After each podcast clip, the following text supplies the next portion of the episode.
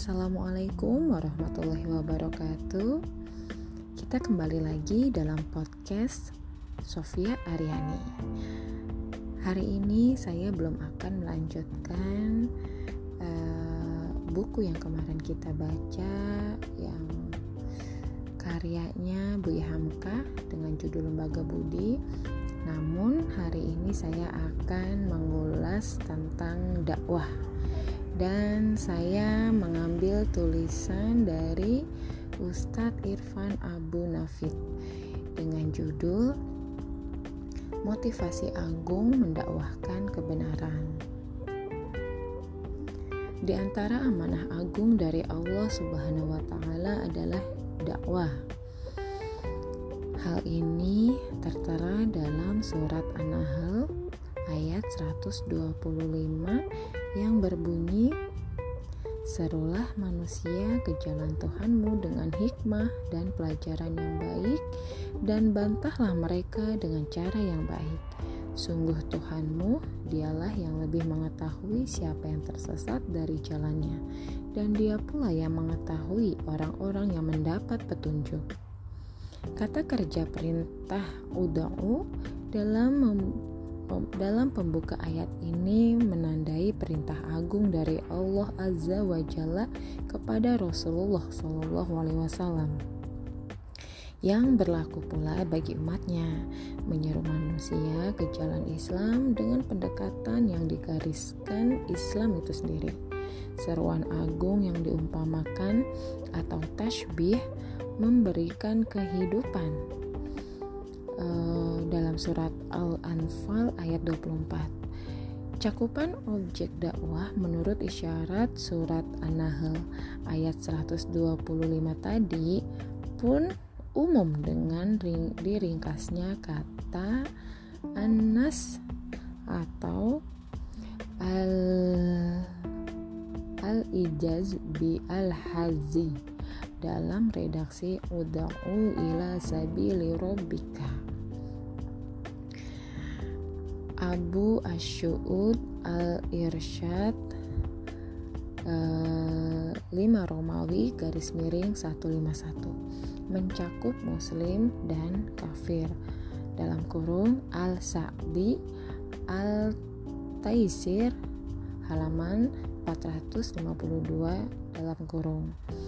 Sebagaimana keragaman pendekatan dakwah yang diajarkan ayat ini memperhatikan setiap kondisi objek dakwah sesuai dengan prinsip balaghah likulli makomin makomun untuk setiap kedudukan itu ada tutur kata sepadan disarikan dari uraian Al-Baidawi dalam An-Nawar An-Nawar at At-Tanzil.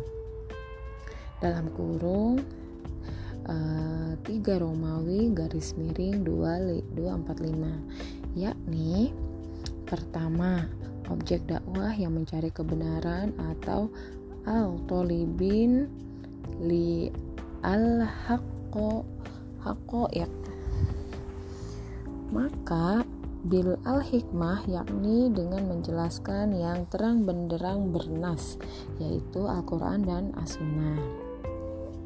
Kedua objek dakwah yang tidak dapat maaf objek dakwah yang tidak paham atau awam al-ummah. Maka bi al au bil mau al hasanah yakni dengan nasihat-nasihat yang menggugah keimanan dan akal sehatnya. Ketiga, objek dakwah yang mendebat kebenaran, membela kebatilan atau mu'anid mu'anid al dakwah maka bi al mujadalah bilati hiya ahsan yakni dengan meruntuhkan kesadaran yakni dengan meruntuhkan sandaran kebatilannya. Lalu menjelaskan kebenaran kepada dirinya dengan sebaik-baik metode. Dengan sebaik-baiknya metode, yaitu berupa argumentasi diikuti sikap yang baik. Visi ini sejalan dengan tugas Rasulullah Shallallahu Alaihi Wasallam yang diutus untuk seluruh umat manusia. Kafata li, al kafata li annas. Dalam Quran suran dalam Quran surat Saba ayat 3 ayat 28. Aduh maaf ya. Jadi salah-salah ngomongnya. Lanjut. Tanpa memandang batas-batas keyakinan, wilayah dan warna kulit yang meniscayakan visi persatuan kaum muslim tanpa sekat-sekat asobiah atau fanatisme buta, menebarkan rahmat bagi alam semesta. Itu ada di surat Al-Anbiya ayat 107. Hal ini menegaskan kebatilan mereka yang menstigma negatif dakwah syariah dan khilafah di negeri ini sebagai ajaran ideologi transnasional yang yang lalu distigma tertolak. Pasalnya lafal kafah menjadi petunjuk universalitas dakwah Islam. Lafal ini sebagaimana diuraikan oleh Syekh Alto bin Khalil dalam tafsirnya berkonotasi sesuatu yang tidak bisa dibagi-bagi ke dalam pecahan. Ya. Kejelasan visi dakwah ila sabili. Kalimat ud'u ila sabili rabbika dalam Quran surat An-Nahl ayat 200 ayat 125 mengandung perintah untuk menyeru manusia ke jalan Allah. Uh, surat yang tadi ya surat An-Nahl ayat 125 itu mengandung perintah untuk menyeru manusia ke jalan Allah. Menurut menurut Al-Hafiz atau Bari um, dalam Jami Al-Bayan Al-Baidawi dalam An-Nawar At-Tanzil ayat itu berkonotasi menyerukan syariah yang Allah syariatkan bagi makhluknya, yakni dinul Islam. Dinul Islam. Kalimat illa sabili robika merupakan kiasan yang dipinjam Al-Quran untuk menggambarkan jalan yang harus ditempuh seseorang ketika tatkala ia meniti ajaran Islam sebagaimana yang telah sebagaimana orang yang menempuh jalan kebatilan atau yang disebut Sabil al-Togut. Dalam kurung, lihat Abu Hayyan uh, Al-Bahar Al-Mohid uh, 3 Romawi garis miring 721 Lafal sabil pun berbentuk mufrad atau tunggal mengisyaratkan jalan kebenaran itu hanya satu, tak terbil, tak berbilang. Ini menambah keyakinan kufur relaf, relativisme pluralisme dengan syubhat menegasikan klaim satu jalan kebenaran Islam. Lafal sabil pun ditautkan pada frasa robika yang merupakan bentuk ma'rifah bermakna spesifik, tidak bias dan tidak samar yakni jalan Allah semata bukan selainnya. Mengingat al-idofah termasuk jenis al-ma'arif.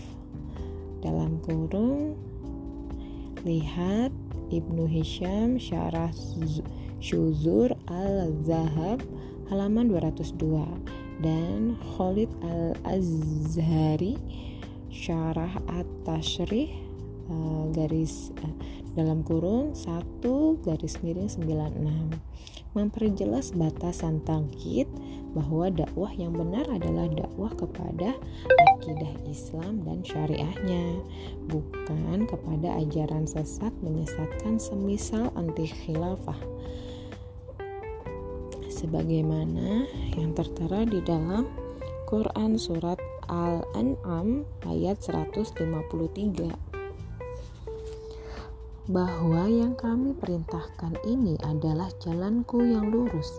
Karena itu ikutilah jalan itu dan janganlah kalian mengikuti jalan-jalan yang lain. karena jalan-jalan itu mencerai beraikan kalian dari jalannya. Yang demikian diperintahkan Allah agar kalian bertakwa. Nah, itu tadi surat Al-An'am ayat 153. Insya Allah kita lanjutkan ya kelanjutannya dari uh, tulisan Ustadz Abu Ustadz Irfan Abu Nafid. Sekian dulu. Wassalamualaikum warahmatullahi wabarakatuh.